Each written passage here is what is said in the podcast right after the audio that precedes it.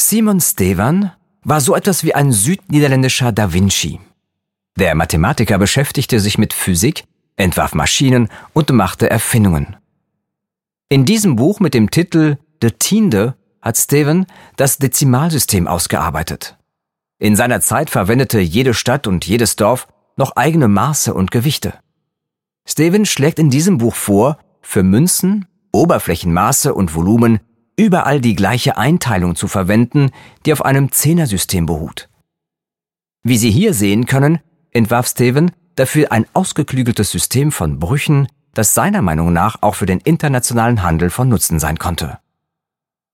Steven veröffentlichte sein Werk 1585. Es sollte aber noch über zwei Jahrhunderte dauern, bevor seine Idee, wenngleich nicht überall, in die Tat umgesetzt wurde. Als der Amerikaner Thomas Jefferson 1792 den Dollar lancierte, setzte er sich für die Einführung von Stevens Dezimalsystem ein. Mit Erfolg.